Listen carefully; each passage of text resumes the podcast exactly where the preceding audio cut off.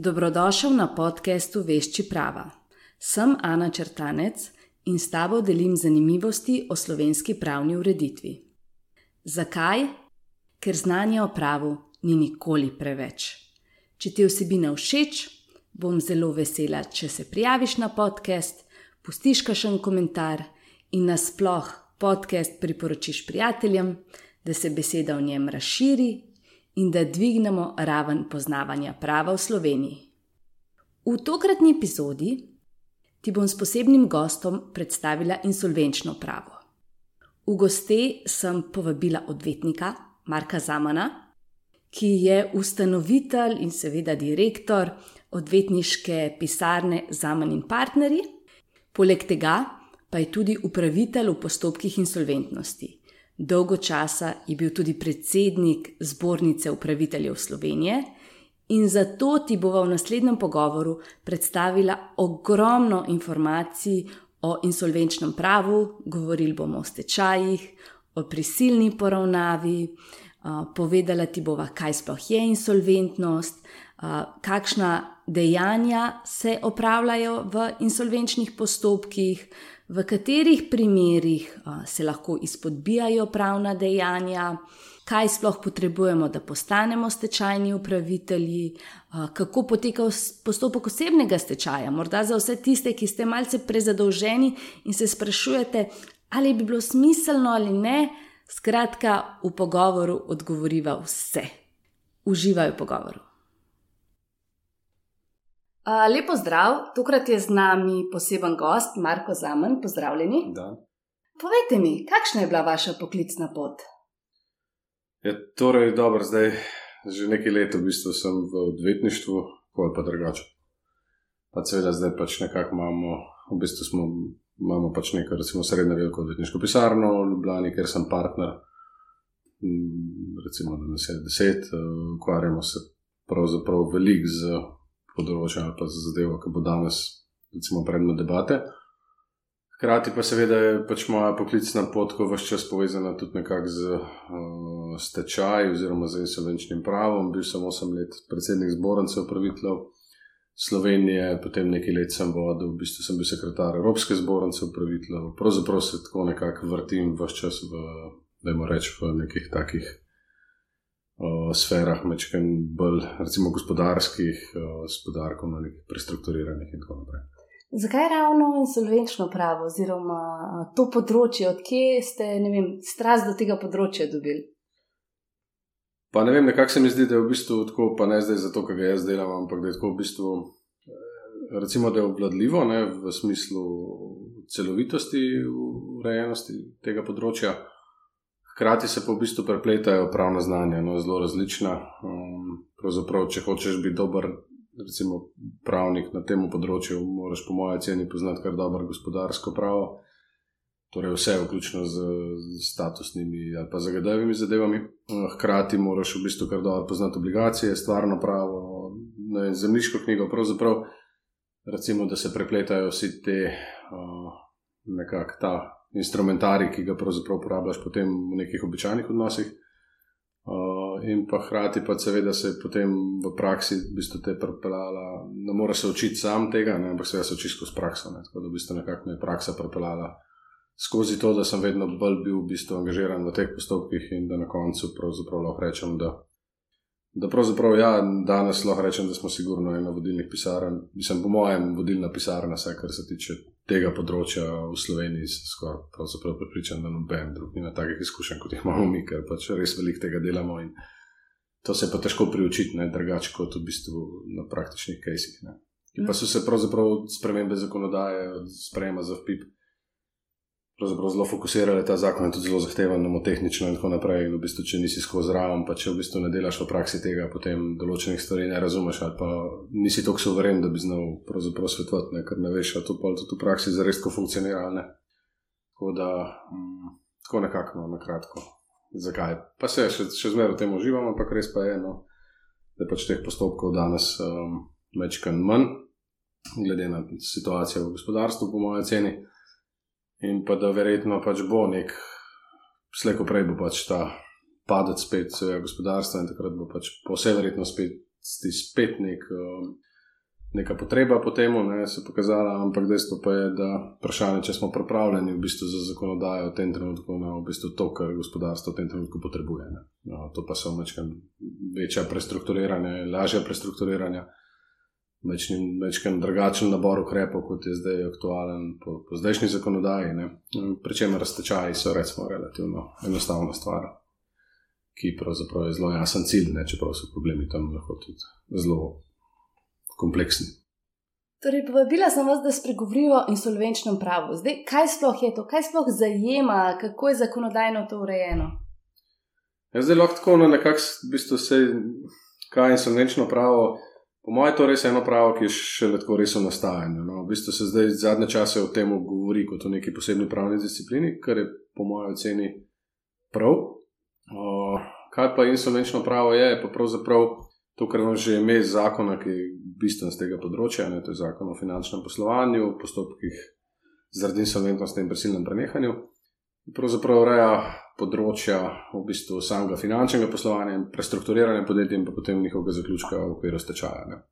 Tako da v bistvu se trudi ta insolvenčno pravo biti nekako, kako ne rečem, v bistvu neka zaključena celota, ki potem ureja določena razmerja v primeru nekih, recimo, plačilnih nedisciplin tako nekako generalno. No. Ni pa zdaj definirano in sem večno pravo, se bojim, da je razen na neki taki abstraktni ravni, kot sem zdaj povedal. Pa se načeloma mi, sploh ne vem, navadni smrtniki, če, vem, če nismo podjetje, sploh srečujemo s tem področjem. Pa ja, vseeno, v bistvu vse je pač veliko, danes se veliko govori o osebnih stečajih, ne, naprimer pa stečajih zapuščin. Pričemer tako, v bistvu jaz moram reči, da tega področja pa tako izrazito ne maram. Stečajev, zapuščin, pa po osebnih stečajih, zato ker o tem se veliko govori. Ocenjujem jih pa za relativno, tako makroekonomsko gledano, za relativno majhen problem. Ne, ko pa se nek problem pojavi v javnosti, ne, potem se ga pa napihuje, kot da je to v bistvu tisto, kar je bistvo insolvenčnega prava. Ne. Takrat se v bistvu ljudje s tem potem več ukvarjajo s temi vprašanji, ne, ampak dejstvo je, da pač um, so pa res drugotnega pomena, saj pač tudi z prakse to govorim, v bistvu, ker vem, kakšno so poplačila potem v teh osebnih stečajih. In pravzaprav več ali manj se pa ljudje pa seveda srečujejo, ko pač ne vem, eh, potrošniki se recimo doskrat s tem srečajo, ko kakšno blago naročijo, pa gre družba v stečaj, pa se potem zelo veliko število pravnih vprašanj odpira, ne, kako potem reševati svoje položaje. Tako da ja, pa veliko preberete v medijih, ne, kaj to pomeni in tako naprej. In pa je seveda lažje razumeti, ne, če pač področje poznaš. Ne. Kjer pa so sploh insolvenčni postopki? Zdaj, tako v bistvu, če moram biti zelo dober, da moram reči, da te stečaje zbušim, pa stečaje potrošnikov tako res puščam ob strani, no, ker, kot rečeno, res so mi zelo nepomembni. Bistvo je v bistvu tako, da nekako v bistvu dva, dve vrsti postopkov sta insolvenčnih v resnici relevantna. No. Eno je prisilna poravnava, drugo je pa stečaj. Zdaj pa pustimo, da imamo v Sloveniji tri, štiri različne možnosti prisilnih poravnav, ne? pa da v bistvu tudi stečaj ni samo en, pa imamo stečaj nad poznajem najdenim premoženjem, ampak generalno gledano sta pač dva postopka, ena stečaj, ena prisilna poravnava. Uh, vi ste tudi stečajni upravitelj. Um, na kaj se gleda v teh postopkih? Zdaj je v bistvu dober postopek prisilne poravnave, en tak specifičen postopek, ne, ki je v bistvu namenjen uh, odpravi pač neke insolventnosti. Ne. Oziroma, ja, treba najprej definirati, kaj sploh je insolventnost. Ja, dobro. Insolventnost je nek položaj, pač ima dve, tako slovenci smo tukaj zelo, ko ne rečem, pač zelo unikatni. Torej, mi, pre, mi poleg trajnejše nelikvidnosti poznamo tudi prezadolženost. Ne? Zdaj, recimo, velika se oziramo v tujino, pa to, ampak večinoma pač po svetu. Torej, ta termin insolventnosti je v bistvu zelo problematičen. No? S tem bodo verjetno bolj vaši študenti se ukvarjali, da je neka družba insolventna, ampak zakon neke kriterije postavlja. In te kriteriji, recimo, da sta dve merili, eno je trajnejša Nelikvidnost, je v bistvu večinoma v Evropi pomeni insolventnost. To pomeni, ne, po zakonu, ne, če ti pač nekaj roke zakonodajalec določa, nekaj 60 dni, ne, če ti nisi sposoben poravnavati nekih obveznosti, ki zapadajo v nekem krajšem časovnem obdobju. Potem pa pač seveda govorimo še o prezadolženosti, ker pa, pa tujina pač o tem ne govori veliko. Ne. Mi pa definiramo to kot v bistvu položaj, v katerem je ne, pač, sredstva družbe ne zadoščajo za poplačilo vseh obveznosti. Ker pa še ni nujno, ne, da je družba insolventna in potem zakon postavlja neke domneve, zato da je upniku lažje o, dokazovanje. Ampak kot rečeno, no, te definicije v bistvu so zelo široke, po eni strani, po drugi strani pa se bomo verjetno strinjali, da ima se kera družba insolventna tudi takrat, kadar ni v nobenem od teh dveh položajev. Ne. Tako da v bistvu definicija tega je stvar uh, stroke, pa mislim, da je potrebno tudi v našem zakonu večkrat prilagoditi glede na nova spoznanja ekonomsko-finančne stroke. Ok, ostala smo pri prisilni poravnavi. Kaj, ja. kaj, kaj pol naredimo? Namen prisilne poravnave je v resnici ta, ne, da v bistvu družba, ki ima zdravo jedro, ne, da torej ne gre v nek postopek stečaja. Prisilna poravnava je res namenjena temu, da ti pokažeš, da v bistvu bi lahko z določenim odpisom ali pa z določenim prestrukturiranjem, no, ni nujno niti z odpisom pač nekih svojih obveznosti, bodi si poslovnih, finančnih ali pa kar vseh. Pravzaprav pač dosegu odpravo položaja v bistvu tvojega svojega težkega finančnega položaja, v katerem si se znašel. Ne, seveda pa cilj prisilne poravnave je, da pač ta družba z pač ustrezno sanirana ne, nadaljuje s svojim poslovanjem. Pričemer je pa spet ne, naša zakonodaja pravzaprav na nek način, po mojem oceni, neustrezna, glede na. Če bi hotel poenostaviti, glede na to, da je relativno nezanimiva tako za upnike kot za dužnike. In to pač dokazuje tudi vedno manjše število teh postopkov, prisilnih poravnav in tako naprej. No, predvsem zaradi pač zelo strogo izpeljanega načela absolutne prednosti. No, da, Kaj pa to pomeni? Načelo absolutne prednosti je v bistvu vsaj v prisilni poravnavi ali pa generalno gledano. Zdaj, tukaj so zelo različne definicije tega načela. Pa kar bom rekel, bo kdo lahko rekel, da sem na robe povedal. Ampak dejstvo je, da pač načelo absolutne prednosti v stečaju se izraža ne, recimo skozi vrstne rede poplačil skozi prisilno poravnavo, pa nekako. Ne, in to, tega, mislim, tako, no, da se tega spomnim. Resnimo, najbolj osnoven je nek, nače, mislim, najbolj osnoven prikaz tega je, da v bistvu lasnik, ne, oziroma upnik, ne sme izgubiti ničesar. Ne, Torej, ko upnik izgubi prvi evro, ne, takrat mora lasnik izgubiti zadnji evro. Ne, kar pomeni, da načeloma se mora pač lasnik in njegove lasniške, recimo njegove terjatve kot lasnika, ne, ali pač skozi osnovni kapital, kako koli ne pač omakam upnikom.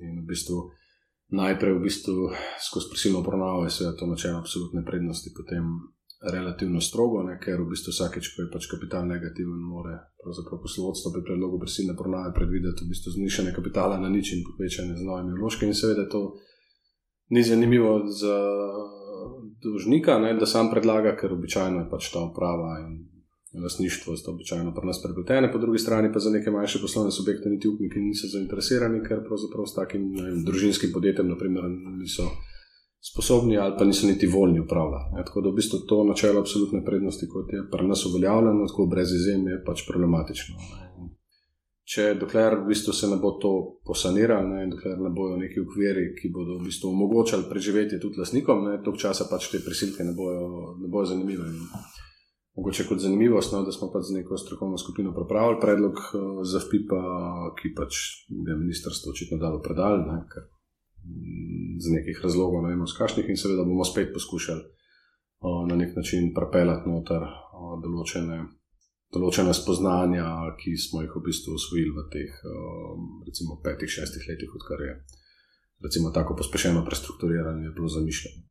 Pa so taki postopki praviloma uspešni, ali niti ne, Ti, pri tistih primerih, ki vem, so potrjene prisilne poravnave?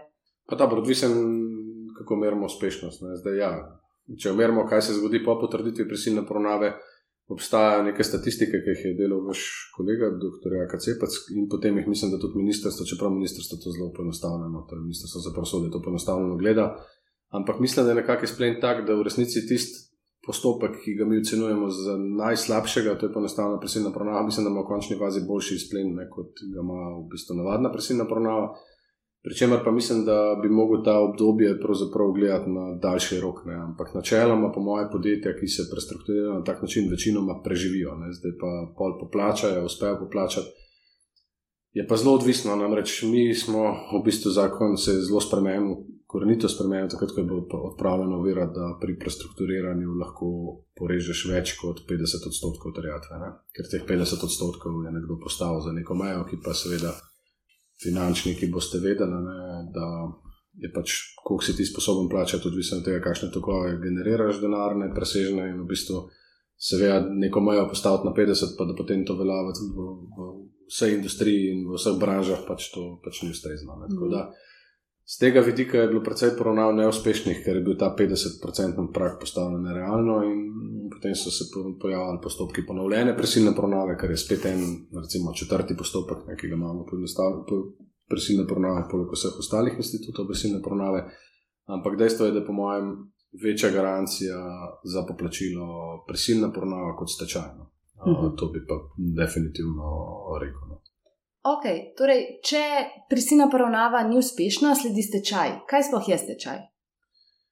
Dobro, stečaj je zdaj tako šolsko, je to pač neka generalna izvršba nad dolžnikovim premoženjem, ne, pri čemer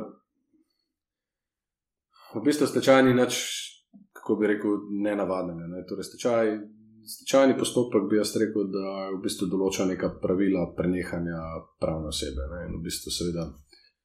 Kakšne so pa posledice tega začetka stečaja, pa vsak zakon, recimo, vsaka država ureja po svoje. In naš zakon pač enostavno določa, da začetkom stečaja ne, potem pridejo ta vsi poslovodne funkcije na upravitelja, in v bistvu je de facto stečajni postopek namenjen in v bistvu se vodi z enim izključenim namenom poplačila vseh upnikov, prodaja premoženja, poplačila in izbrisa družbe iz registra. Vse jaz proti moš pa še urejati, kakšna druga razmerja, ki mogoče ne pripeljejo nujno do poplačila, ampak vse enih je pa treba urediti. Tudi, tudi taka razmerja, ki pač mogoče zgleda na prvi pogled, da niso koristne za upnike, so pa mogoče za koga drugega. Tako da v resnici je to nek, ne morem reči, nek sodni postopek, no, namenjen kontroliranem prenehanju družbe. V bistvu, ali je potrebno, da so vedno tudi odvetniki angažirani v tem postopku? Eh, Velikokrat se zgodi, da pravzaprav vsaj v bolj zahtevnih eh, postopkih pač poleg odvetnikov angažiraš tudi pač razno razne druge strokovnjake, poleg cenilcev, seveda eh, pooblaščenih ocenjevalcev, ne vem, vrednosti podjetij, ko imaš pač kakšno tako stečajno maso, ki jo je potrebno oceniti. Seveda pa odvetniki pridejo poštev predvsem takrat, kadar pač so recimo neki obsežnejši stečaji, ker prihaja do spodbijanja pravnih poslov, prenehanja, prerekanja terjatov, uveljavljanja izločitvenih pravic, odškodninskih tožb do zopr poslovodstva. Tako da neki stečajni dužniki so že v kar precej, recimo, nekih sodnih postopkih, eh, že tako ali tako sami po sebi. In te treba te postopke prevzeti, ker za začetkom stečaja prenehajo pooblastila vsem, tudi odvetnikom. In običajno potem ima vsak upravitelj neko svojo ekipo ljudi, ki jim zaupa, ki poznajo potem pravila stečajnega postopka in de facto pač ja, pride tudi do angažiranja tega. Pričemer se veliko govori o stroških stečajnega postopka, ne, tudi v tej zvezi, pričemer je tudi, uh, tudi dr. Jaka Cepec naredil analizo protest ekonomske učinkovitosti stečaja, ker pač eno od teh stvari je tudi, so tudi stroški in v bistvu se kaže, da smo relativno da v bistvu so relativno tako po, po nominalnih zneskih to nizki stroški. Ne. Pa smo zdaj, haj, pač na koncu, uh, glede na odstotek poplačila, so mogoče visoki, ampak nominalno pa pač ne gre to za neke enormne stroške ali pa stroške, ki bi bili v bistvu bistveno drugačni od stroškov podobnih postopkov v tujini, ker so še ti stroški bistveno večji. No, ampak, okay. Kako pa, na primer, so pa taki stroški? Se vem, da ne moramo, ker je odvisno od višine tudi stečajne mase. Lejte, vem, zdaj lahko povem na enem svojem stečaju MIPA, kjer v bistvu jaz nisem sicer bil od začetka upravitelj, ampak sem bil potem naknadno strani upnikov imenovan za vodenje tega postopka in približno 14 milijonov recimo smo naučili. Ampak zdaj tako na pamet govorim, ampak tako z, z občutek. Ne? 14 milijonov je bilo naučenega premoženja, od tega je bilo 6 milijonov evrov stroškov. Pričemer ne vsak reče tako, v bistvu doskrat poslušam, ne, tudi ali pa berem medije, ne, 6 milijonov stroškov. Ja, 6 milijonov stroškov, pričemer med te stroške sodijo vsi stroški povezani z vzdrževanjem nepremičnine, nadomestil za uporabo stavbnih zemljišč, plače, ki si jih izplačval, um, praktično nagrade upravitelja, odvetniške storitve. Mislim, na koncu, v bistvu, če teh 6 milijonov nekako razrežem na tiste stroške, ki v bistvu so v resnici nastajali zaradi tega, ker pač, ki bi nastajali komorkoli, ne, ki bi bil lastnik tega premoženja. Bi recimo rekel, da je ustal, preostalih stroškov, ki so bili povzročeni v 12 letih vodenja stečaja, recimo milijon evrov, no. Mhm.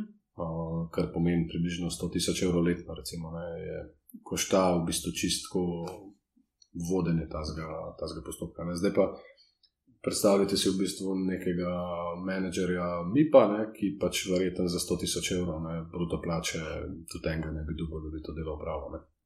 Pričemer je pa treba tudi določene razmere urediti in te vodenje stečajev. Jaz, jaz lahko rečem, da imam izkušnje tako z v bistvu, svetovanjem podjetij in v bistvu nekako vidim, da, da je pravzaprav lažje voditi družbo, veliko družbo, ki je, kjer je sistem utečen, kjer pravzaprav lahko z poslovnimi odločitvami, recimo, ne, nekako manevriraš.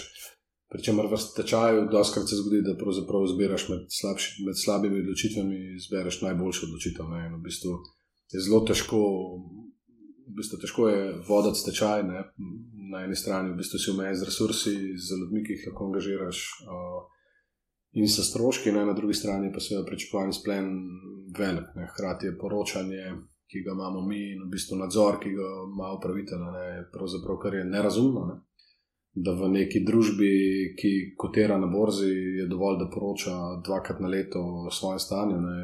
Ljudje se odločajo, vlagajo v to, ali bojo vlagali, ne bojo, stopajo z njimi v poslovne odnose, pri čemer v nekem stečajnem postopku, kjer je pravzaprav samo še vprašanje vrednosti poplačila, ne? se pa pri nas gremo s poročanjem vsake tri mesece, pa vsak pa nadzor, pa pravzaprav. Eh, pet ljudi te nadzira, od sodišča, upniških odborov, ministrstva za pravosodje, zbornica upraviteljev, pa še vsak upnik posebej. Ne, in v bistvu na koncu se tako vprašaš, v bistvu, kdo je tukaj normalno. Mislim, veste, nekako jaz razumem, da imaš sistem regulacije vzpostavljen do začetka stečaja, kaj ti nekaj mogoče, ampak morate vedeti, da vem, po zagadaju ima družbenih pravic pogleda, pa če mu poslovodja ne da in lahko ne da iz nekih razlogov. Ne, pač, da bo do te informacije nekoč prišel, ali pa bo prišel čez en let, ne, v stečajnem postopku, moram pa jaz pravzaprav servirati vse informacije ne, upnikom in to je absurd. Ne. Hrati se pa še vse javno objavlja, kar pa pomeni, da mm. ne samo tisti, ki ga res zanima, ne, ki ima interes vedeti, kaj se dogaja v stečajnem postopku, lahko to zve celo pač tudi vsak tretji. Tako da v bistvu vsak, ki, pač, ki ima pet minut časa, lahko pogleda na internet in pogleda, koliko sem jaz včeraj zaslužil v nekem stečajnem postopku. To je absurdno, mislim, to je pač tako ko pač je pri nas v Sloveniji, ne? torej vse olim in pravzaprav pa, pa uh, ko se pogotovi, da nekaj ni narobe, potem pa mi ne znamo umestno udariti, ampak uh, rečemo pol. Zdaj pa nič ni več javno. Ne? Govorim na primeru prijave terjatov v stečaju, ne? recimo, ker smo imeli mi na začetku je bila sodna taksa za prijavo terjatov enormno visoka, ker je bila vezana pač na zakon, zakon o sodnih taksah, ni razlikoval med prijavo terjatve in tožbo in je bilo recimo za eno prijavo terjatov za 10 milijonov evrov treba bilo plačati. Uh, Vem, 60 tisoč evrov so bile takse. In kdo je to mogel plačati? Ja, upniki. upniki. In potem, ko so ugotovili upniki, da to ni v redu, so pač država se pa odločila, da pač upniki zdaj pa ne rabite več 60 tisoč evrov plačati, ampak nič. Ne. Tako pač gre, ne. pač to hočem reči, da pač pri nas gre samo toplo hladno. Um, kako pa pa sploh postane stečajni upravitelj? Mm. Zdaj je dobro, zdaj čisto natančne zakonske pogoje. Pač jih ne poznam, ampak dejstvo je, da pač moraš imeti ustrezno stopnjo izobrazbe, uh, ustrezne smeri. Uh, hkrati pač je pa kar je ključno na poleg vseh teh znanja slovenskega jezika in bla bla, pač moraš izpolnjevati, pravzaprav moraš praviti izpit. Uh, ta izpit je relativno zahteven izpit, no? ki ga pravzaprav upravljaš v okviru ministrstva za prosodje in potem ministrstvo za pravosodje pravzaprav podeli licenco ne, za upravljanje tega in posla, in potem se upišeš v imenik upraviteljev, v imenik zbornice, ker je članstvo v zbornici obvezno in postaneš upravitelj. In potem dve leti lahko delaš v bistvu mehne stečaje. Kaj pa pomeni mehne stečaje? To je vse, kar ni velika stečajna, veliko pa srednjo družbo, ne? potem pa po dveh letih, pa pravzaprav ali treh, si pa upravitelj s polnimi pooblastili, ne glede na to, ali si v resnici, kakšen stečaj v mestni čas sploh dobil. Ok, ta, ta je mal tako, tako ja. ja, tako je. Um, kakšne so pa naloge pol stečajnega upravitelja? Dobro, zdaj, če se osredotočimo na stečaj, verjetno. Ja. Pač v stečaju upravitelj prevzame vse posle družbe in generalno gledano, kot sem že rekel, ali pa recimo, če nekako razdelimo to vlogo upravitelja. Namreč postopek stečajni kot tak vodi sodišča. Upravitelj samo upravlja naloge, ki mu pač grejo. In velikrat boste tudi sami zasledili napade na upravitelja. Sodniki ne, pravzaprav recimo, napadajo upravitelja javno in tako naprej, pričemer je sodišče tiste, ki vodi postopek. Jaz sem samo tisti, ki izvršuje, pa izpolnjuje zakonska pooblastila. In kaj pa zakon prav? Po eni strani v bistvu sem neke vrste poslovodja, ker upravljam v bistvu čisto redne posle, poleg tistih, ki imate tam v zakonu naštete, ne vem, odstope od najemnih pogodb. Delam seveda izterjavo, podeljujem pooblastila odvetnikom za zastopanje. Pač skratka, vse, kar prodajam, premoženje, torej vse, kar se tiče neke, recimo, kjer je namen. Recimo, razrešiti vsa, vsa odprta pravna razmerja, pa na drugi strani, seveda, um, unovčiti premoženje, po drugi strani imamo pač neka sodna pooblastila, ki so pa v glavnem povezane s preizkusi terjatov. V bistvu to je en zelo pomemben segment v delu upravitelja ne? in v bistvu ta sodni del tukaj ne, je pravzaprav bolj, da moramo reči, v bistvu bolj postranski. No? Kaj pa je sploh ta preizkus terjatov? Ja, preizkus terjatov pa seveda pomeni, da se upravitelj mora vsake prijavljene terjatve in nekako izreči ali priznava ali prereka in od tega je pa odvisno, torej kakšen pravni položaj tega upnika v nekem postopku. Pa mogoče ne zanimivost je pa ta, ne, da v postopku prisilne poravnave, ne, kjer bi pa v bistvu pričakoval, da so upraviteljeve naloge podobne kot v stečaju, ne, pa v bistvu ugotoviš, ko to zdaj doceraš vse tiste določbe, kaj pravzaprav upravitelj sploh lahko, pa kaj ne. Pa pravzaprav vidiš, da je upravitelj pravzaprav tam sam nek nadzornik. Ne. In da v resnici nima razen preizkusa terjatov in pa ločitvenih pravic, ker gre za prestrukturiranje zavarovanih terjatov, pravzaprav sploh nima nobene, nobene funkcije. In lep primer tega je, naprimer, vem, bil sem upravitelj prisilne poravnave Cimosa, kjer v bistvu smo imeli zelo velik mednarodni element, ne sedaj, ker recimo stopil v razmerje tako z američani, kot z Nemci, kot z pač polovico, polovico sveta. In seveda so vsi želeli imeti tako na začetku sestanek z upraviteljem, če zdaj pa jaz povedal, kako se bo posle pelal. Ampak seveda, smo jim pač povedali, pa počasi dopovedali tudi, ne, da pravzaprav jaz nisem faktor v tem postopku, razen tega, da, da delam monitoring. Ne. So pravzaprav malo ugotovili, da me ne rabe več klicati na noben sestanek. Do takrat sem mogel biti na vseh sestankih, ker so pač mislili, da sem jaz tisti, ki pravzaprav je zdaj nadomestil poslovodstvo. Tako da tega v, v Sloveniji ni in to je en izmed predlogov, ki ga dajemo na zakon, da bi upravitelj prevzel več obveznosti in odgovornosti, in te odgovornosti so pa seveda pomembne potem v končni fazi, tudi za odškodninsko odgovornost upravitelja in odgovornost, ki jo nosi v bistvu razmerju z upnikom. V katerem primeru pa je odškodninsko odgovoren? Ker to so res zelo težki postopki. Kaj, kakšno škodo, naprimer, bi mogel povzročiti? Načeloma pač je odškodninsko odgovoren upravitelj, takrat, ko povzroči škodo upnikom v stečaju. Namreč treba se eno stvar zavedati, in to je doskrat problem razumevanja tudi pravnikov. Um, generalno gledano, ne, seveda poslovodstvo ne odgovarja za škodo, ki jo družba povzroči tretjemu. Seveda, nič drugačni v postopku stečaja, oziroma nič drugačne velja za upravitelja. Torej, generalno gledano je še zmeraj ni odgovoren za svoje ravnanje. Seveda pa zakon v določenih primerjih pač pa postavlja vzročno zvezo med škodo, ki je nastala in pa med um, ravnanjem upravitelja. In v tem primeru, kadar bi nek upnik prejel manjši znesek poplačila zaradi ravnanja upravitelja, v tem primeru bi v bistvu govorili o neki odškodninski odgovornosti. Pričemer, moram reči, da sem že vsaj dva, dveh ali pa treh primerih zastopal upravitelja v nekih zadevah, ki so bile mejne, ne, kjer v bistvu pač nekako sem si tudi jaz mislil, da pač mogoče ni bilo upraviteljevo ravnanje čisto skladno za zakonodajo, pa se je izkazalo, da v bistvu upravitelj ni bil odgovoren za škodo. Tako da res pa je, da upravitelj tudi zavarovan, ne, z, mm. pač imamo policijo, mislim, da je minimum 500 tisoč evrov večinoma, no, vsaj pač jaz sem zavarovan za višji, za višji znesek. Ampak eh, dejstvo je, da res še nisem, mislim, da še niti ena policija za časa, ko sem jaz bil predsednik zbornice, ko sem še imel pogled, niti ena policija ni bila nikoli splačana. Tako da v resnici vprašanje, če ta odgovornost ne pride upoštevno, mm. tako v praksi. So pa neki pogoji zakonski, ki pač pravijo, da, da bi v resnici lahko dobil to odškodnino, ampak te primeri. Glede na to, da, je, da ima vsak upnik pravico pogledati v, v spis in da ima vsak upnik praktično legitimiran za vlaganje pravnih sredstev, ne, potem je že tukaj vprašanje zročne zveze in tako naprej. Prav, če bi pa upravitelj namenoma zavedel sodišče, da nek sklep izdane, potem pa pač. Uh, bi bil odgovoren, ampak treba se zavedati, da je to tako pač zelo težko dokazljivo. Mm. Po drugi strani pa zakonodaja naša je taka, nažalost, ne zgrajena, po mojem, oceni na nezaupanju do upravitelja, da v bistvu za večino odločitev, ki bi imele neke materialne posledice, pa zahteva soglasje sodišča. Tako da v bistvu upravitelj je odprta knjiga, ne, ki pač mora poročati sodišču. Sodišča so pa vedno bolj striktna do upravitelja in pravzaprav, če niso predlogi ustrezno obrazloženi, zlasti tam, ker se vidi, da je v bistvu zadeva malo bolj kompleksna ali problematična, potem sodišče pač ne zda sklepa. Tako da je Si pa znam zamisliti primer odškodninske odgovornosti, seveda, ne v praksi. Um, Kjer sodišče pa je pristojno v teh primerih? Mislite v odškodninskih primerih? Ne, nasplošno v kadar gre za stečaje. Ja, dobro, zdaj vedno je pač krožno sodišče tisto, ne, ki vodi postopek, pri čemer je v želji po poenotenju sodne prakse, ne, se pač zakon spremenil do te mere, da je vse odločanje o pritožbah predstavljeno na sodišču v Ljubljani, ampak eh, po mojem oceni zakonodajalec ni dosegel namena, ne, ker so pravzaprav lahko, ker sploh ni važen. Pravzaprav to, da odloča sodišče v Ljubljani, ampak vsak senat samostojno odloča, pri čemer celo isti senat eh, v isti zadevi, v dveh različnih uh, v dveh različnih zadevah, ko istem vprašanju odločiš diametralno nasprotno. Tako da pravzaprav ne, da je rata bolj pregledno, ampak je rata to že zelo problematično, ne? ker pravzaprav je že načeta, po mojem, ceni pravna varnost z tega vidika. Hkrati pa treba vedeti, da pač zakonodaja, oziroma zakonodajalci ni odločil za izredna pravna sredstva v tem primeru, ne? zdaj v ZIS jih je upeljal, za FIP še ne, zakon je izvršil zavarovanje, mislim. Ne?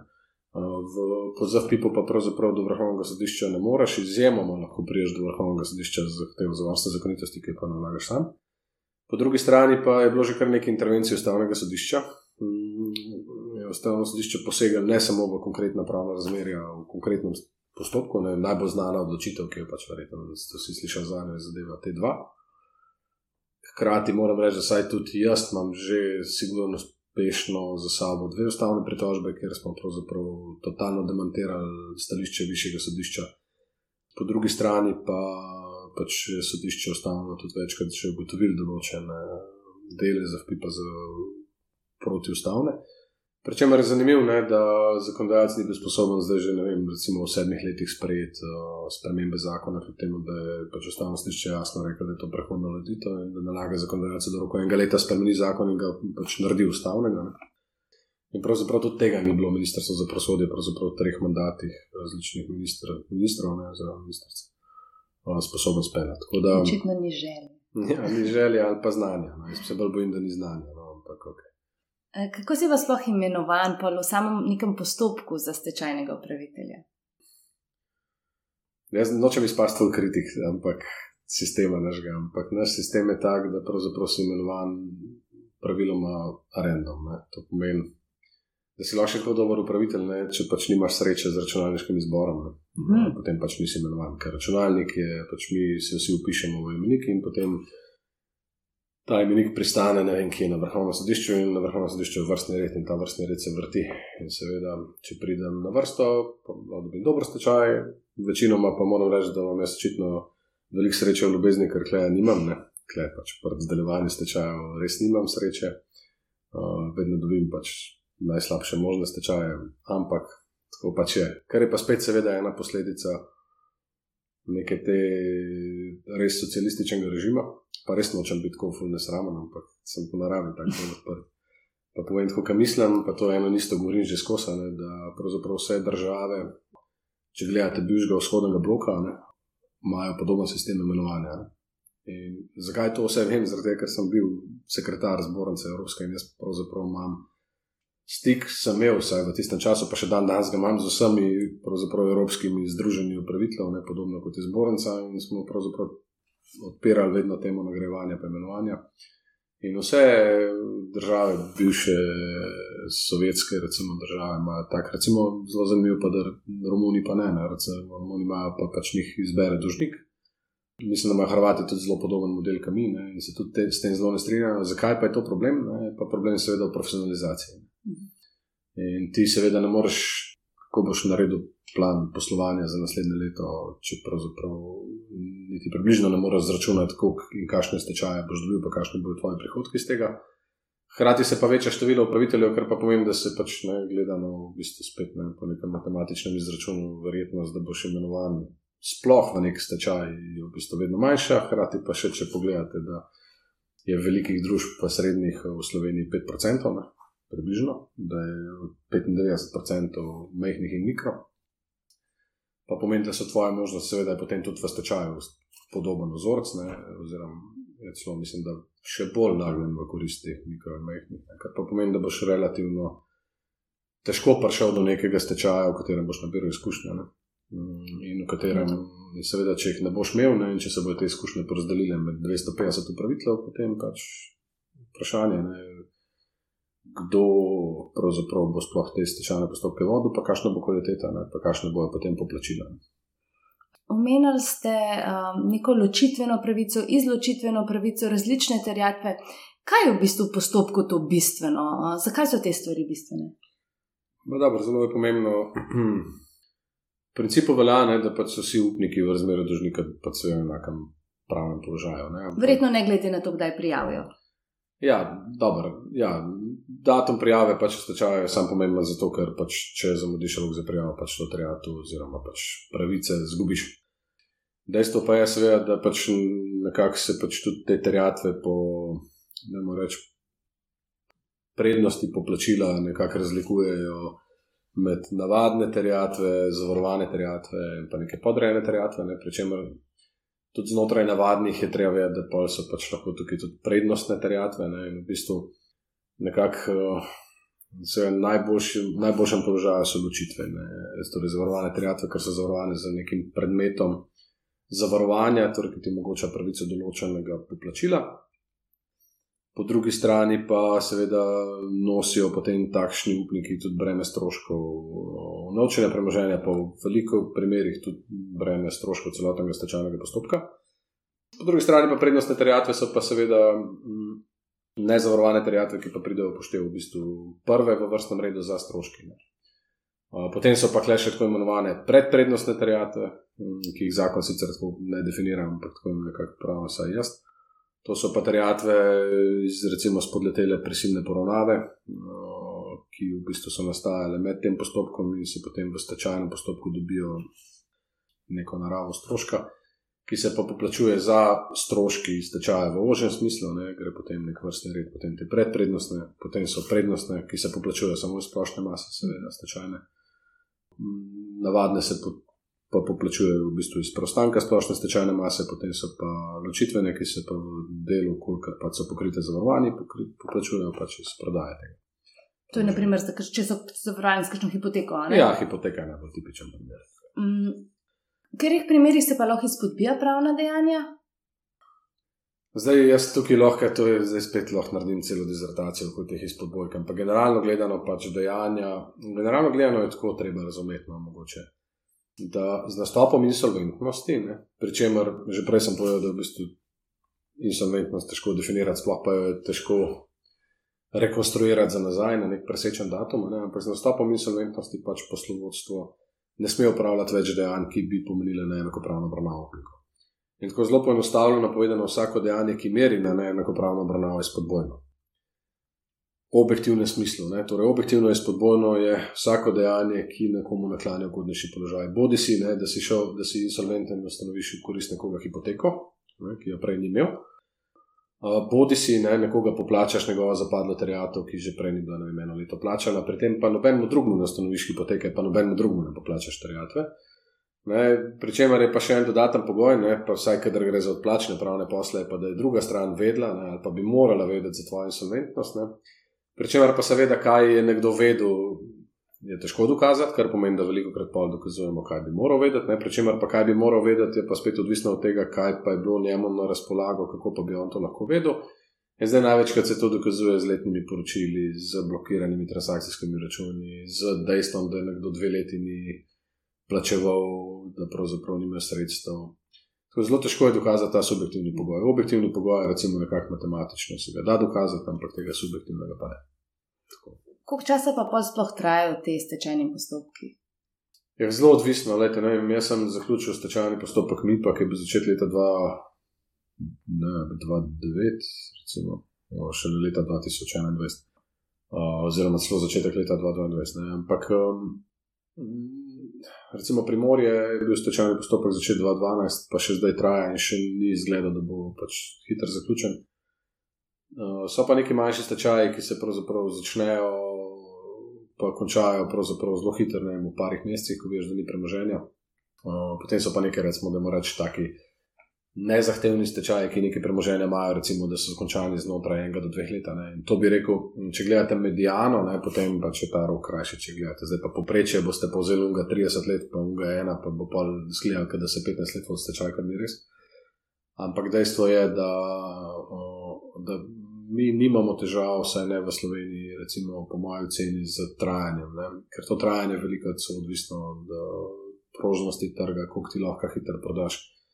Pa sploh niti ne toliko prodaje, kot so pa problemi sodni postopki, ki usporedno tečejo in tako naprej. In tako. Tako da v bistvu tukaj je zelo veliko faktorjev, dejstvo pa je eno stvar, treba vedeti. Ne? Ne vem, nek MIP, ki je družba, ki je imela tradicijo, preden je šla v stečaj, ne vem, 50 let. Uh, Sveda potem se začne tako družba stečajna. Zdaj vsi mislijo, da ja, je super, se ima tam eno brat, pa ga prodaj, pa bo že zaključil stečaj. Ni čisto ne. Pač imamo kle znamke, imamo terjatve, ki jih je družba prej 20 let terjala, pa jih ni izterjala in jaz ne morem kar prijeti, pa jih odpisati. Ne. Pač moram imeti nek postopek, kako pol. Torej, moram biti bolj papeški od papeža v tem postopku, ne, in v bistvu potem pa. Doskrat se zgodi, da, vem, recimo, da ta fakulteta vaša stoji tukaj na enem zemljišču, recimo, da je bilo prej v lasti SCT-ja in ni prepisal tega na vas, ko ste vi to kupili, oziroma na Republiko Slovenijo, kdo že lastnik.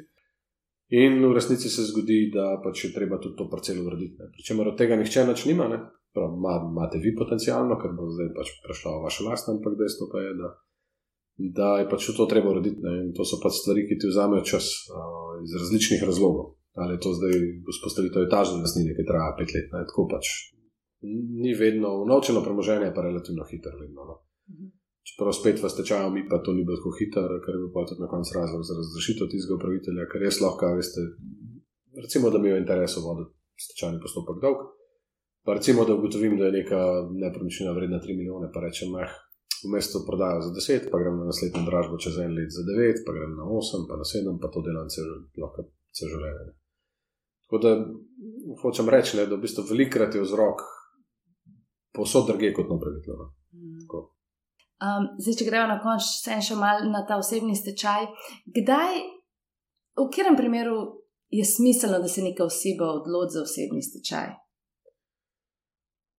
Ne, mi imamo pač tak sistem, da pač ne poznamo do minimisa, ne?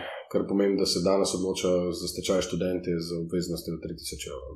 Pravzaprav so pripravljeni potem pet let biti pod mojim nadzorom. Ne, da to obsojam, ampak tako pač zdi se mi to nepotrebno obremenjevanje sodstva. Ampak načeloma zakon nekako neko domnevo postavlja, da v bistvu 60 dni zamujaš, mislim, da za trikratnikom mesečne poprečne plače, kar pomeni, da ne vem če bi jaz imel plačo 1000 evrov, pa ne bi plačal 3 jurjev v 3 mesecih, mislim, v 2 mesecih, pa sem nisem. Za v bistvu verjeten, da pol ljudi doskrat grejo v stečaj in vejo, da bom pač prodal tudi njihovo nepremičnino. Da pa mislijo, da če grejo posebno stečaj, bo pa rešil stanovanje. Ne? Torej, Nekega recepta, kdaj iti v osebno stečaj, pa siguren nimam, ne? definitivno pa pač bi upozoril na to, da je treba to kombinirati z odpustom obveznosti. Ne? Kaj pa je to? Se pravi, v bistvu stečaj, to je v bistvu nekako, to, to izvira zdaj spet iz ne vem, neke svetovne percepcije, pa evropske percepcije, o, se pravi, ki mislim, da je tudi zdaj v direktivi izredno povzeta. Second chance, ne, se pravi, da moraš dobiti drugo možnost, o, se postaviti v bistvu nazaj na noge.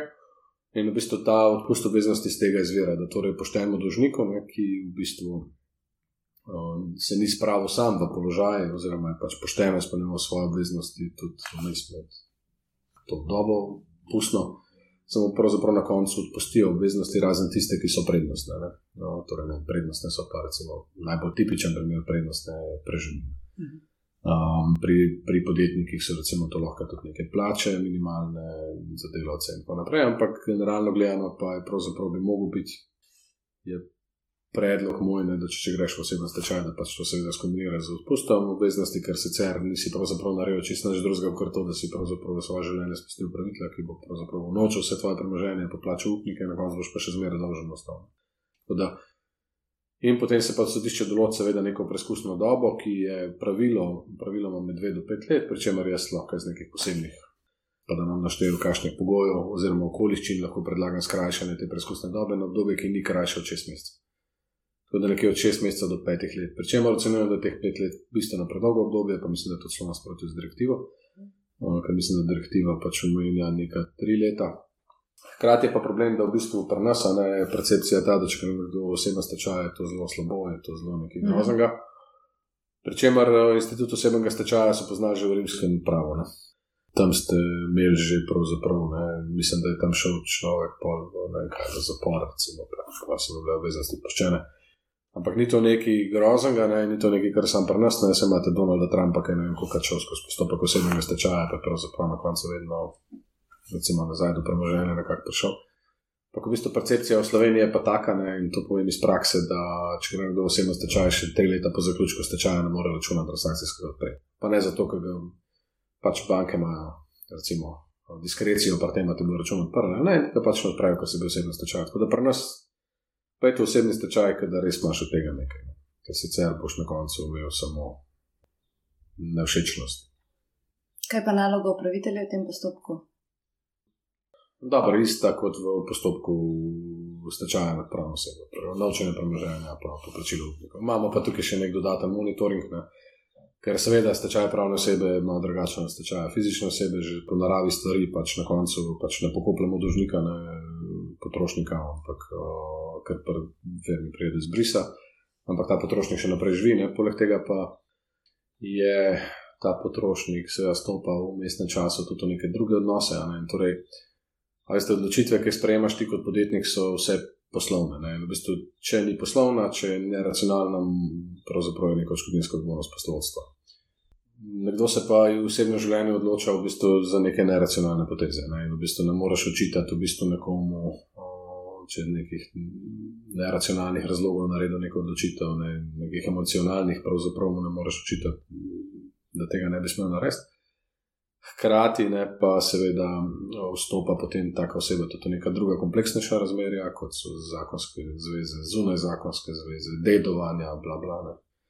In seveda to vse potem terja toliko večjo aktivnost upravitelja, in tam pa se v resnici pravno gledano te položaje zelo zakomplicirajo, in v določenih primerjih so absolutno nerešljive. Ne.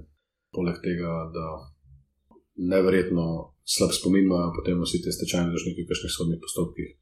Pa no, te verjeli, da tudi te ločeni zakonci na teh obravnavah, ki ti to že da nekaj skupnega, pač pa so vsi najboljši prijatelji, pa vsi znajo pač povedati. Takrat se vse spomnijo. Tako da je ful, v bistvu zoprni so te osebni stečaji in tako kot sem rekel na začetku, to so tako nepomembni v bistvu z vidika makroekonomije. Da če bi bilo po moje, jaz bi po takočnem traku odpisal tri četrt slovencem vse obveznosti, tiskačene prej odpisati in takrat naprej druga možnost, pa pa stečaj izjemoma za neke resne obveznosti. Je pa res, da je neka situacija pripeljala določene ljudi tudi do osebnih stečajev, zdaj ker pač banke danes, če greš po kredit, zahtevajo poroštvo. Da ti 10 milijonov kredita, pa pa zahtevajo, da si porok, imaš pa neko hišo, v kateri živiš. In kaj češ drugače, kot pravzaprav vidiš skozi nek postopek, potem pa si govorijo, kako si grd, ker si 10 milijonov dolžen ostane. Hkrati pa pač vprašanje, pač ta kultura bank, ne, kjer zahtevajo menice za neke družbe, zadeve, ki jih družba vodi, je pa drugo vprašanje. Tako da v bistvu je stvar pri teh osebnih stečajih pravzaprav veliko bolj osebna kot uh, tista brezosebna. Pričemer tudi tam imaš seveda določeno problematiko zaposlenih, ki ti v bistvu otežuje potem neke odločitve čist poslovne v stečaju, ker mogoče se zbiraš z neke kompromise, ki jih pravzaprav ne bi sklepal, če bi bil robot, ne, ampak nisi. Ne. Še kakšna zaključna misel, kakšen nasvet za vsakoga, ki bi se srečal s tečajem ali pa prisilno poravnavo? Ja, kaj pa če vam rečem, ne vem. Pravzaprav mislim, da je tako področje, ki odpira fulejnih um, možnosti uh, in svetovalnih, in pravzaprav poslovnih, kariernih in tako naprej. In v bistvu najlepše, ko se enkrat srečajo z enim takim kajsom, v bistvu ne se ga ustrašiti, ker je vse rešljivo. Uh, pa pa seveda najdi si mogoče takrat tudi neko ustrezno strokovno pomoč, kadar je tvoja udeležba, recimo, kadar bi lahko imela tudi za tebe kakšne materialne posledice. Ne, ker v bistvu o, se da stvari zapeljati v teh postopkih, o, tako ali pa drugačne, in na koncu, v bistvu, če prvino zapelješ, lahko v bistvu v resnici narediš zelo veliko koristi za sebe. No, Ne se pa ustrašiti na teh postopkih, ki niso tako bavbavni, to je pač moje mnenje. Ker zgledajo in v bistvu so stvari tako relativno logične, če jih pač pogledaš malo daleč. In najlepša hvala za ta ja. pogovor. Hvala vam.